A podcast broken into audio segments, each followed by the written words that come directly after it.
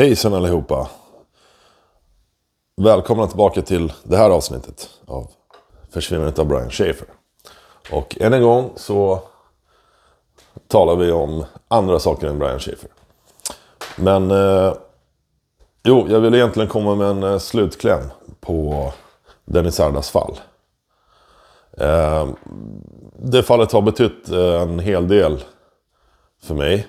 Eh, Hela den här, hela försvinnandet eh, dök ju upp i en tid när jag hade väldigt mycket tankar och funderingar kring, kring det här med försvinnanden. Och jag var ju i full färd med att eh, även komplettera då den här serien. Jag hade ju researchat Brian Schaefer i ja, ett halvår. Och eh, eh, la ner otroligt mycket tid på att göra klart den här serien. Och vad jag tänkte skulle egentligen bli tre avsnitt då från början. Eh, så att avsnitt ett och avsnitt två låg ju ute. Och sen slog ju covid till. Och eh, det vart liksom bara en fördröjning av alltihopa. Eh, plus att jag hade ju material för att släppa ett tredje avsnitt. Men det var ett mycket material. Eh, och det var inte inspelat. Men så att säga, manuset var skrivet. Så att eh, då... Eh, då släppte jag avsnitt 1 och 2. Och sen så dröjde det ända fram till eh, eh, januari. Året därefter, om jag inte minns helt fel. Som eh, avsnitt 3.1. Som hette det avsnittet då, då. Släpptes och sen vart det 3.2. Sen var ju tanken att egentligen serien skulle ju sluta där. Men eh, ja, det började ju hända, precis i den vevan så började det hända lite liksom... Eh, det började komma ut lite ny information och lite sådana grejer. Så att, tänkte jag säga att äh, men jag, jag, måste ju... Jag måste ju uppdatera.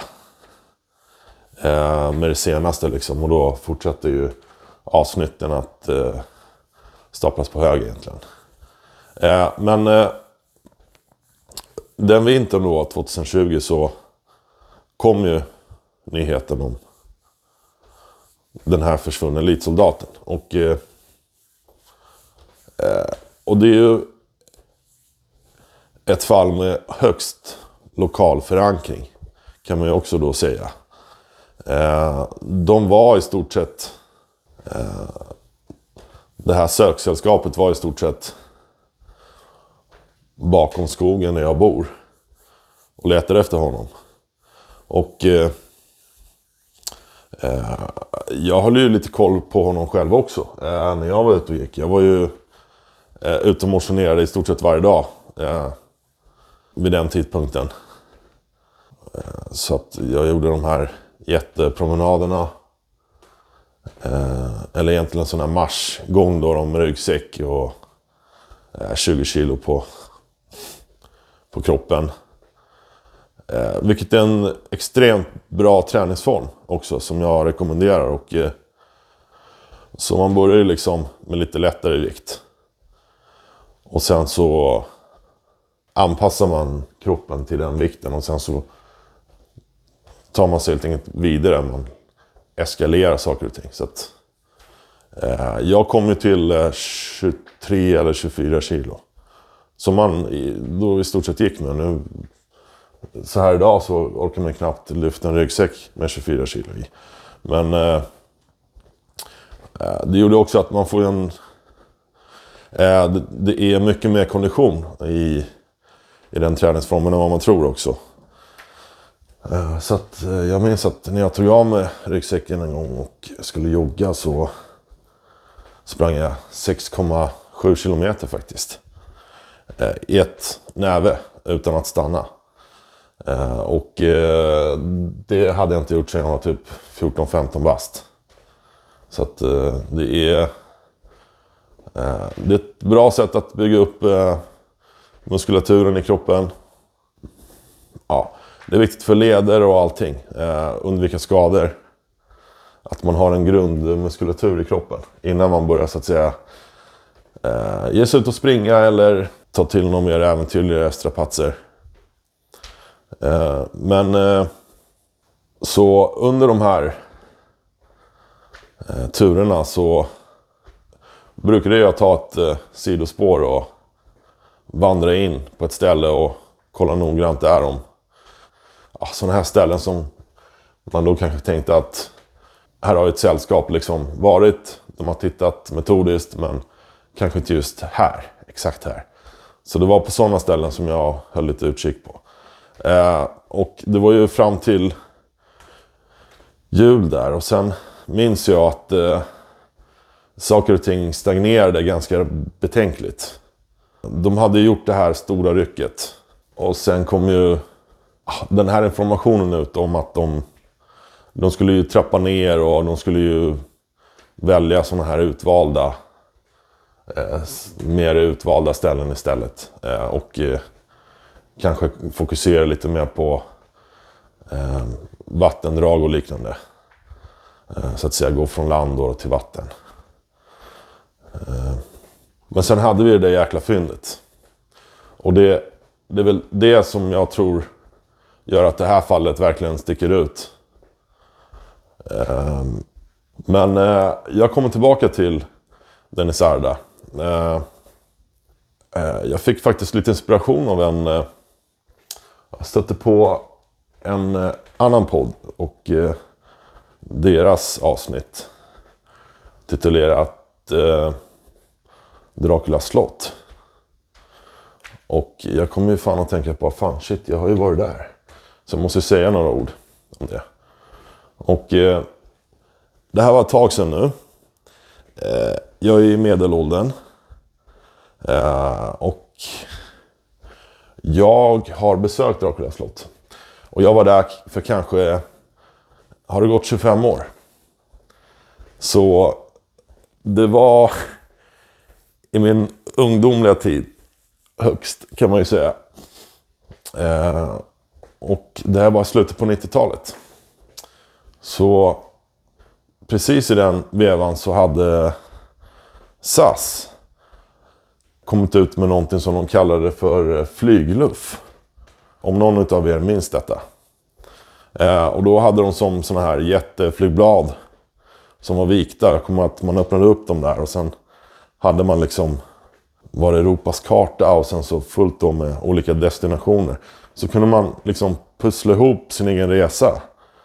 Genom då att åka typ etapp 1. Och sen tog du en annan etapp. Och sen tog du en ytterligare en destination.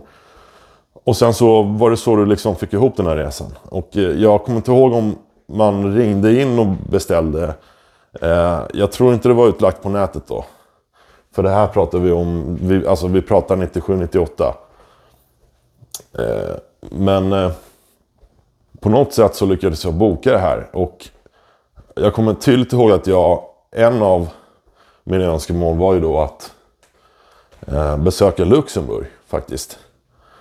Av någon anledning. Jag vet inte, jag har inte den här känslan idag men eh, det kändes som en väldigt så här, speciell stat att besöka och, och se lite udda. Eh, och en annan speciell grej som jag ville göra var att åka till Rumänien. Och framförallt då för att besöka Draculas slott i Brann.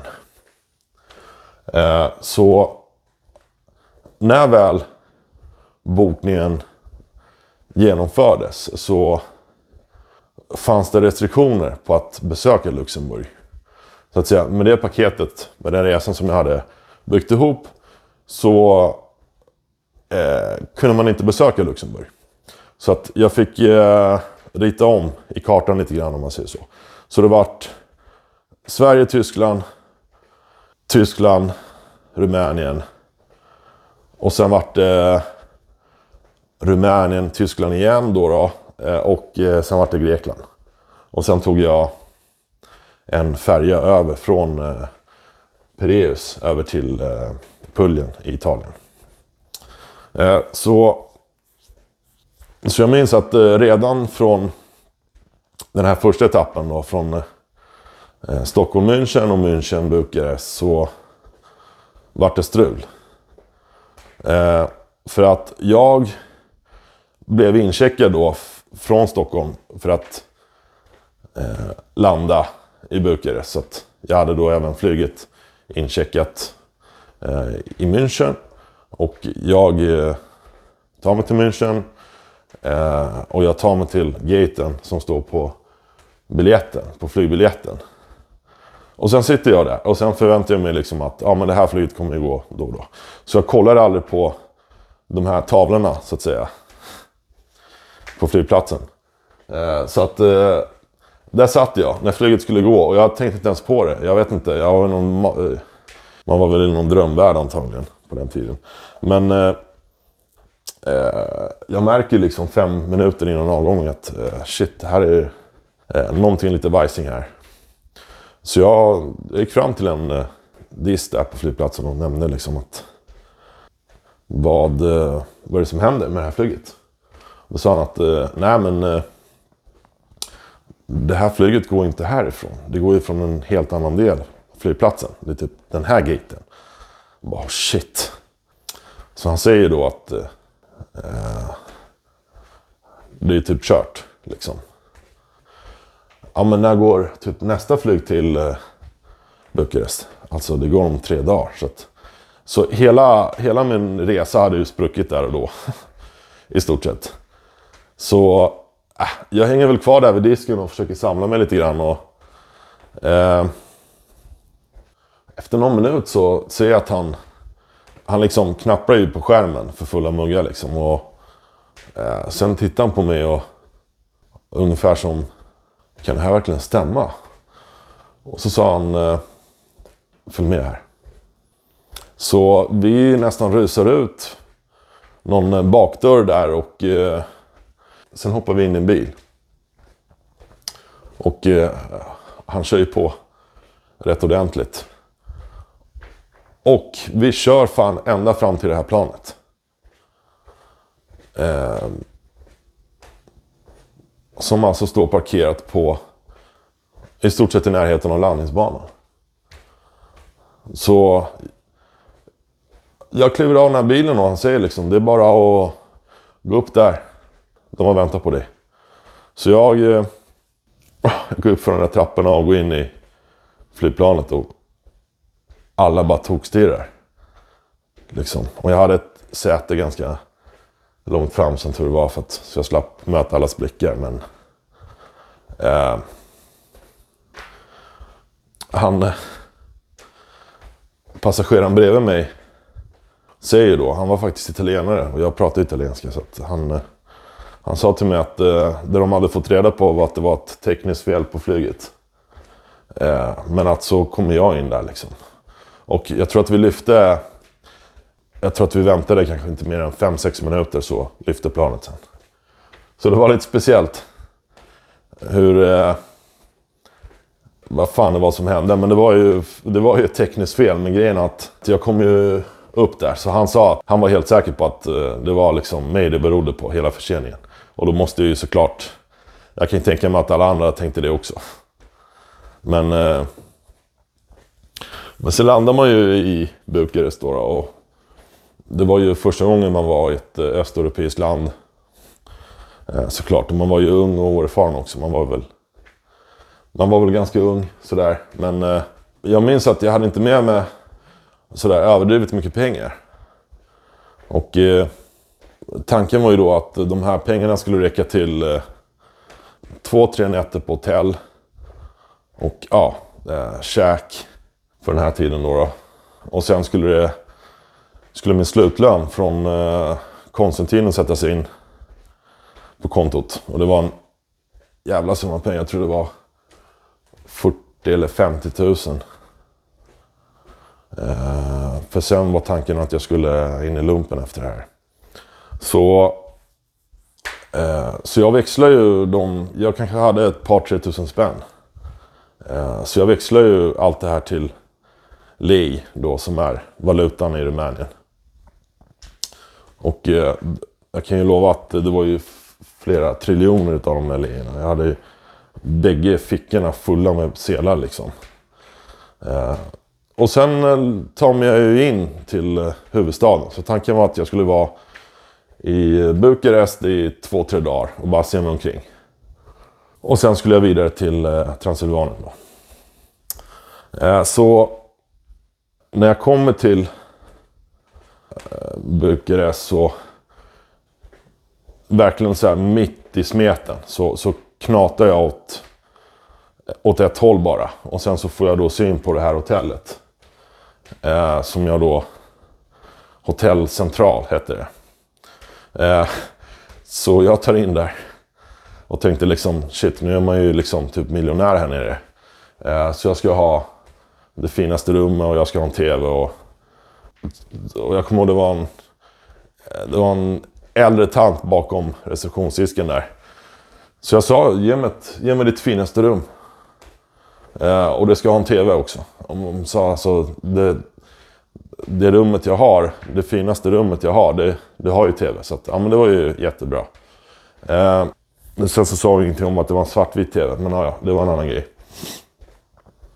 Men, eh, och sen pyntade jag då i stort sett för de här två, tre nätterna. Och det återstår inte sådär jättemycket sedlar kvar faktiskt. Men ändå, det var ju eh, en ansenlig mängd kvar i fickan.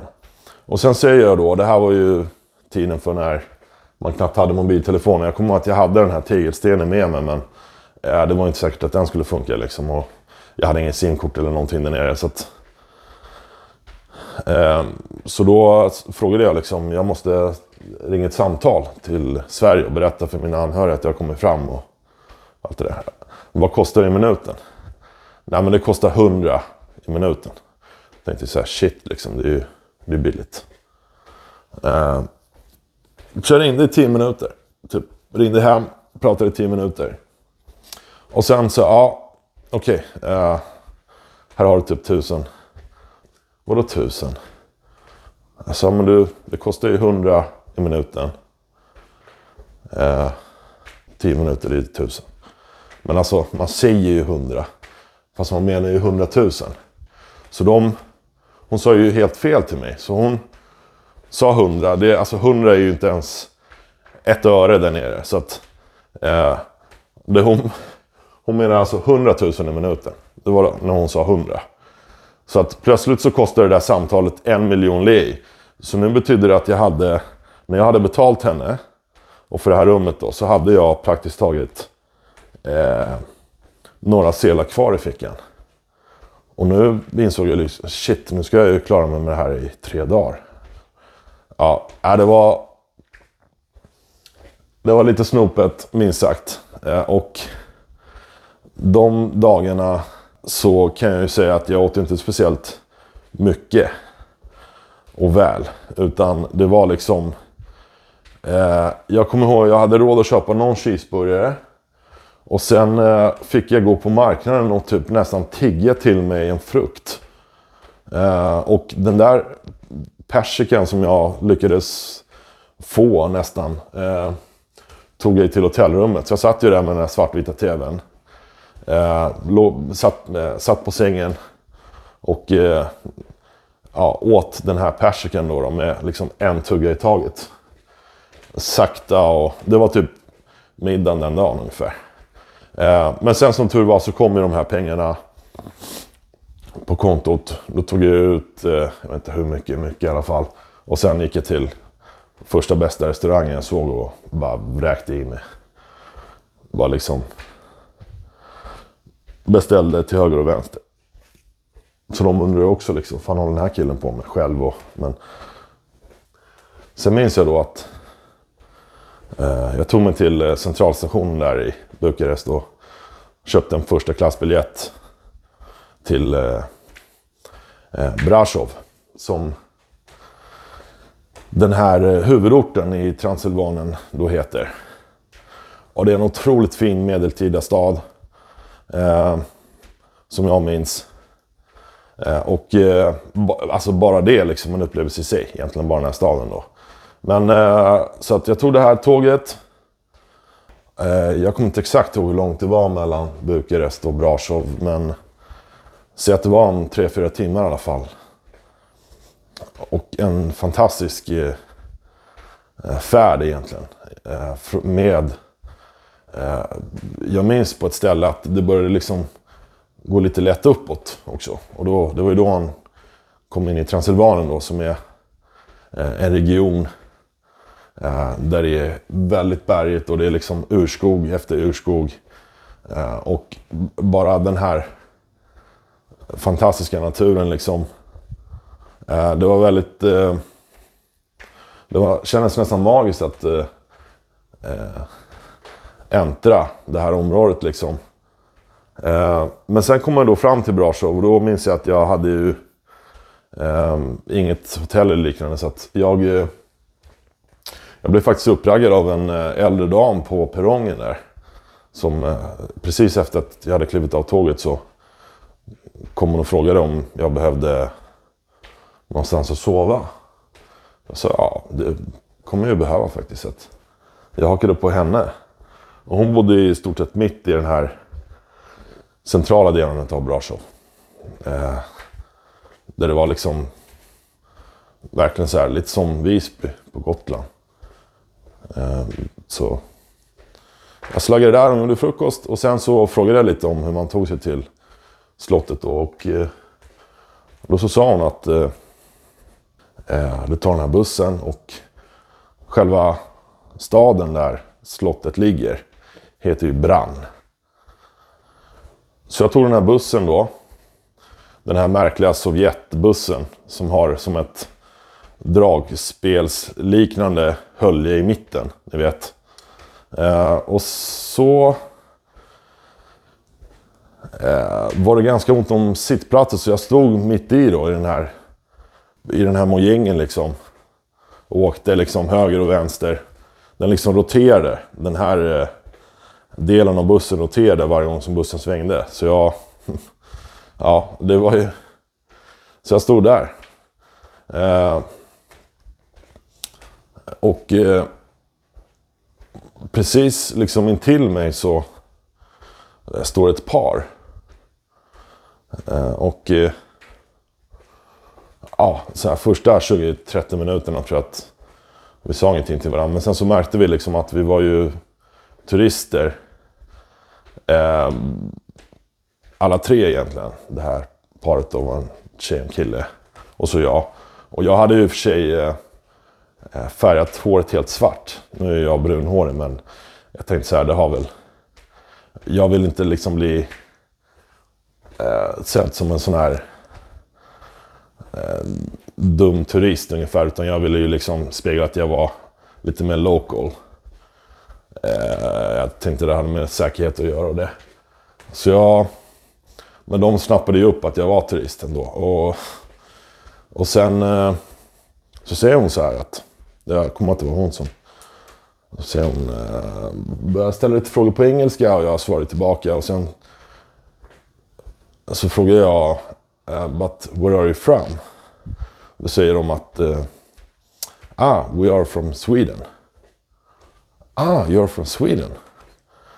Uh, well, I am from Sweden too. Så bara okej, okay. så tittar vi på varandra och sen var det ungefär som, men då kan vi lika gärna prata svenska. så vi... Det visade sig att under hela den här resan som jag gjorde i stort sett, flög fram och tillbaka, eh, besökte alla de här länderna. De enda svenska människorna jag träffade på under hela resan var på den här bussen på väg till Dracula slott. Så det var lite speciellt. Så att jag, ja, vi, vi började konversera och hänga med varandra och sådär. Och, och jag lade märke till att det var ett... Eh, det var några locals som satt eh, ja, i närheten och liksom började intressera sig för oss då. då. Liksom vi, vi stack ut lite minst sagt då, då på den här bussen. Så precis efter att jag klivit av bussen, och då var ju liksom allting främmande. Vi var i utkanten av den här brand och eh, jag minns bara att det var liksom fullt med, det var världens skog där liksom. Och sen hade du det här sagolika slottet framför dig. Eh, och då kliver eh, en kille och en tjej som är från Rumänien då fram. Och så började de prata med mig lite knagglig engelska. Och så säger de att de eh, förstod att jag var turist och, och sådär. Och om, om, de, om jag ville så kunde de visa mig runt i slottet då. Eh, så att jag sa, ja ah, men schysst, absolut. Liksom. Guide för dagen liksom, men tackar nej till det. Så vi var där. De, eh, de visade mig runt. Typ rum, alltså rum för rum. Det här slottet är ganska stort då. då. Jag har fortfarande bilder kvar på det här. Eh, och jag minns ju det här master bedroom. Eh, så var det ju som en... Det var själv, de hade gjort liksom en stackars björn då, då men det var liksom som en matta. Eh, och sen då det här björnhuvudet som liksom stack upp precis när man kom in i det här rummet så var det det man såg. Och sen var den här majestätiska sängen också utöver det. Eh, och liksom alla detaljerna i slottet var, framförallt de här lite finare rummen då, där de uppehöll sig, var ju i sådana här väldigt mörkt trä. Jag vet inte om det är mahogny eller... Eh, jag kan tänka mig att det var mahogny eller någon annan väldigt mörk, tåligt träslag. Eh, och sen såg jag den här lilla cellen också där, där då Vlad Tepers uppehöll sig. Dracula slott kommer ju då från Eh, Stokers roman. Men han fick inspiration till Dracula från Vlad Tepes. Som var en, eh, ja, som var en förste i det området på den tiden. Och eh, han kallas ju då The Impaler. Eh, så han eh, pålade ju i stort sett hela den här hären som kom eh, från Turkiet då. Och eh, skulle invadera och ta hela Europa egentligen. Så vi, vi hade väl alla varit eh, muslimer här. Eller pratat eh, turkiska. Om inte han hade så att säga stoppat allting där i sin linda. Eh, jag köpte också några figurer och sånt där som jag har sparat. Eh, kanske lägger ut en bild på det på Insta. Om ni vill kika på det. Eh, men det var en eh, sju resa i alla fall. Jag kommer också ihåg det, det som minnet som är kvar. Eh, ett väldigt starkt minne är då att det här paret som visade mig runt, de frågade om jag ville haka på dem sen. Hem och käka och sådär. Och, eh, och eh, alltså, absolut, inga problem. Och sen... Eh, de bodde faktiskt i en ganska fin lägenhet. Så de var lite sådär mer well off, om man säger så. Eh, eh och eh, bjöd då på middag och de ringde runt till vänner och bekanta. Så det kom folk till höger och vänster.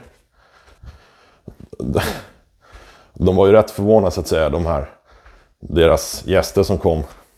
Tesen var ju då att vi har den här killen från Sverige som är här. Och typ ska slagga här ungefär. Så, att, eh, så de eh, ställde, det var ju världens brakfest där. Alltså det kom ju till och med hennes bror minns jag kom ju. Han gjorde ju lumpen och men dök ändå upp i militärkläder liksom. Eh, så han satt ju där käkade med oss. Eh, och så sa han som ett varningens ord att eh, om du liksom går ut så var liksom försiktig för det finns björnar här i, i området. De går ner på nätterna och rotar i, i soptunnorna och det, så du vet det. När jag sen fick tag i, i, i morsan så eh, jag befinner mig här och jag ska sova över. Ehm, och så sa jag det där med björnarna. Minns att det sista hon sa. Åh, akta dig för björnarna. Ungefär. Ja.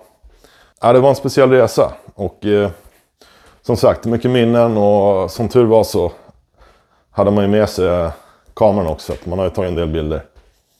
Eh, så det var min upplevelse av Dracula slott i Brann, Transylvanien. Eh, om jag får ge en slutkläm på Denisardo och hans fall så eh, vill jag ju säga då att det är ett otroligt viktigt fall. Eh, det har fått mig att eh, eh, vidga vyerna i hela det här fenomenet som rör egentligen försvinnanden. Eh, man tror att det är si och man tror att det är så. Men här har vi då en väldigt viktig pusselbit i sammanhanget och det är ju fyndet utav kroppen. Eh, det är otroligt viktigt för att det möjliggör att man kan pussla ihop en historia som har en start och som har ett slut. Till skillnad från många, många andra försvinnanden. Där egentligen bara saker och ting sker. Och sen vet man knappt vad starten är och man vet ju definitivt inte vad slutet är. Så till det tillkommer ju då den här situationen som då ingen är van vid. vid att okej, okay, eh, man har eh, kvarlevorna och kan man på något sätt dra någon slutsats av det då? Vad, vad är det man finner där på plats? Som man kan analysera och försöka bli klokare på egentligen. Det komplicerar ju till saker och ting. Att I Dennis fall så komplicerar det ju till det ganska rejält. Eh, att man då har det här sprängmaterialet så att säga. Eh, för att det är ett ovanligt sätt att begå självmord med. Eh, men det, det, är också, det är också liksom någonting logistiskt. Att man måste ju eh, applicera det här och vida runt det och hålla på och mecka med det. Eh, det är liksom inte bara som att ta fram eh, ett vapen och skjuta liksom. Varför går den här extra milen? Rent bokstavligt. Ta sig till den här parken precis vid det här området. Eh, precis på den platsen. Och sen så då avsluta saker och ting. Eh, hade det inte varit simplare att bara liksom, jag vet inte, alltså hoppa framför ett tåg eller eh, kasta sig från en bro eller vad, alltså vad vet jag. jag de här bitarna är ju, är ju rätt speciella att tala om men, men, men faktum är att det är liksom, det sker ju. Eh, tyvärr. Det sker ju. Men jag har svårt att se varför han eh, tog sig liksom besväret att genomföra det här på det här sättet. Vad var liksom tanken bakom det lite grann? Det är svårt att veta och det är, eh, som Henrik sa, ju, hade man velat tala med Dennis, med Dennis om det. Eh, han är nog förmodligen den enda som kan ge svar på det. Men eh, om man då betänker på att eh, situationen före såg ganska normal ut. Det var ju ingenting direkt som skapade någon slags oro för hans eh, nära och kära. Eller gav någonting så att säga alarmerande som fick dem att inse att nu är någonting i görningen här, vi måste liksom agera. Eller... Det fanns ju inga varningstecken någonstans liksom. Jag tycker det är märkligt att han skickar en bild på den här outfiten, den här utstyrseln han hade på sig då. Att han de facto skulle ut och motionera också i de kommande dagarna. Varför gör man en sån grej om man har tänkt ta sitt eget liv liksom? Eh, så är det då ett självmord hugget i sten. Och jag skulle nog vilja påstå att det inte är det. Eh, jag kan utesluta tredje part från det här. Eh, jag tycker att eh, det kommer ju fram rätt tydligt med Oris beskrivning. Eh, om man följer det till punkt och pricka och om man... Jag hade ju möjligheten att sitta face to face med Ori så... Ehm, det är inte en plats som... Det är, det, det är liksom en plats som ingen känner till det här.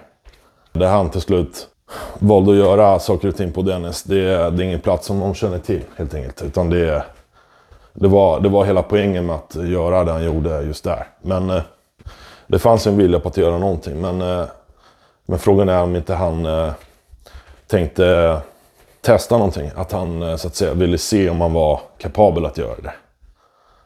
Eh, och eh, alltså vem vet? Alltså vi killar håller ju på med allt möjligt. Eh, hade han med sig den här tråden enbart för syfte att eh, ta sitt eget liv? Det är ju frågan. Det kan ha varit en del i planen, men det kan också ha varit eh, någonting som man tänkte latcha med, testa med där på plats. Någonstans, att om någonting skulle hända så hade han den här tråden med sig som ett, eh, som ett alternativ. Eh, och Orry sa att det fanns djurspår på platsen. Djuren har ju kommit efteråt.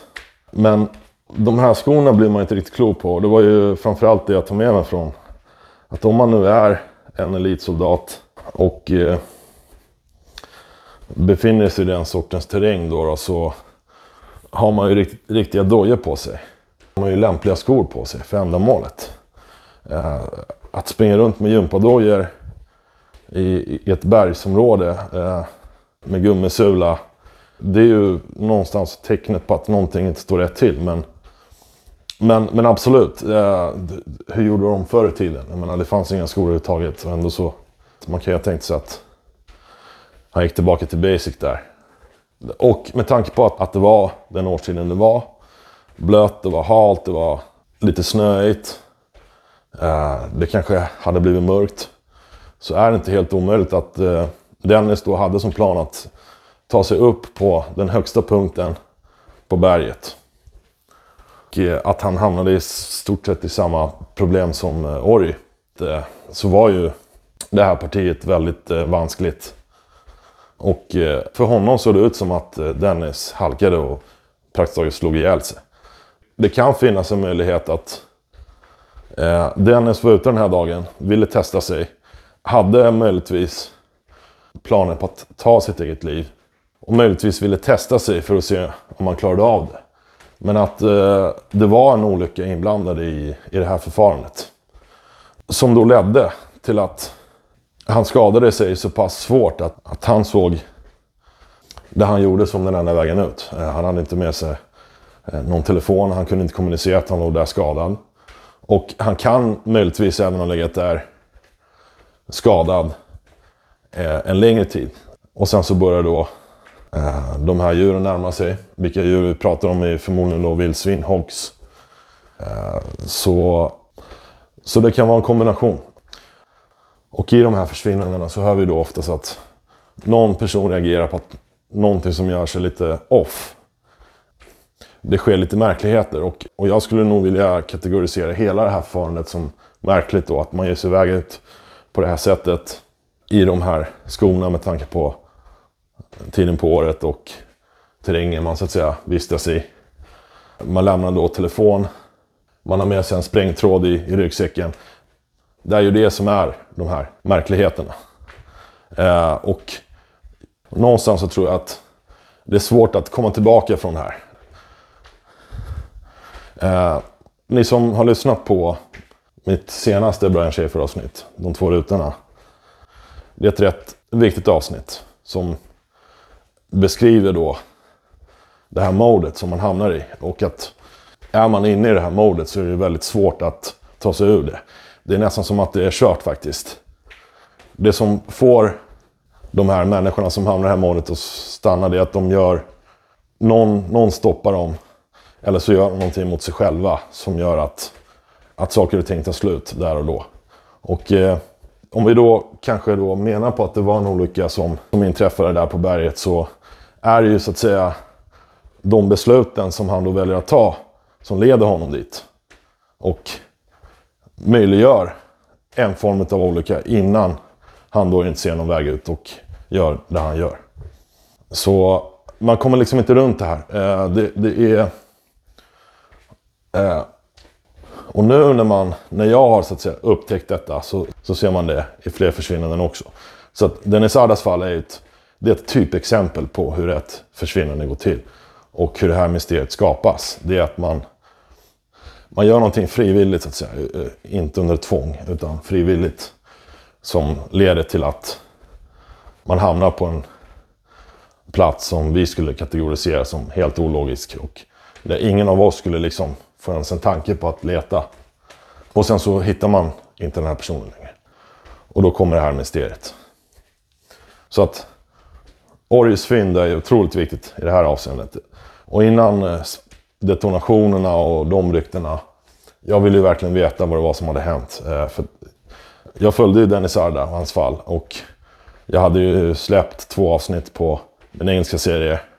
Och precis när jag skulle liksom släppa de två avsnitten så kom ju det här ryktet. Och jag har liksom inte fått någon ro sen dess egentligen. Så att den här gången hade jag chansen att verkligen få reda på hur det låg till. Och, eh, så jag skrev det till verket. Och jag förstod ju att Henrik skulle ge mig svar. Eh, och sen så visste jag någonstans att det här, den här individen, Orgi, som hittade kroppen, att det inte var något vanligt förfarande. Det var ingenting normalt. Eh, att han bara liksom råkade snubbla på honom där. Utan jag förstod att det var någonting annat i görningen. Liksom. Och när jag väl träffade Orgi så eh, bekräftade han ju den bilden. Så de här fallen är ju förbluffande helt enkelt. Det finns eh, det är många olika nivåer att försöka förstå sig på. Men eh, jag känner väl att eh, jag har ju fått med mig mycket matnyttigt tack vare Dennis Ardas försvinnande. Så jag tänkte ta farväl av det här fallet och göra honören till Dennis Arda och eh, hoppas att han vilar i frid. Helt enkelt. Så att eh, det var det här avsnittet. Jag har lite mer i bagaget som jag tänkte dela med mig. Eh, det handlar om just det. det den här poddserien handlar ju om att jag delar med mig av det jag har hittat, funnit och pratat om och träffat eh, och skrivit. Och eh, det är viktigt för att vi... Det är väldigt mycket som är gratis idag. Man eh, behöver veta någonting så går man ut och googlar. Eller det är alltid, men det är alltid någon annan som gör jobbet. I alla fall tills de här artificiella intelligensen tar över. Så är det viktigt att man tänker på det. Gör det ni också. sitter ni på någonting så dela med er det. Ni kan mejla mig också om det är någonting ni, om det är någonting ni har på hjärtat eller så. Så kan, ni, kan vi kolla på det. Så ni får ha det så bra. Ut och promenera om ni har möjlighet till det. Och eh, nu när vi äntrar den här, den här tiden på året så ut i solen och sola och få D-vitamin och det. Så ni alla blir glada och mår bra. Till nästa avsnitt. Ha det så bra. Hej då!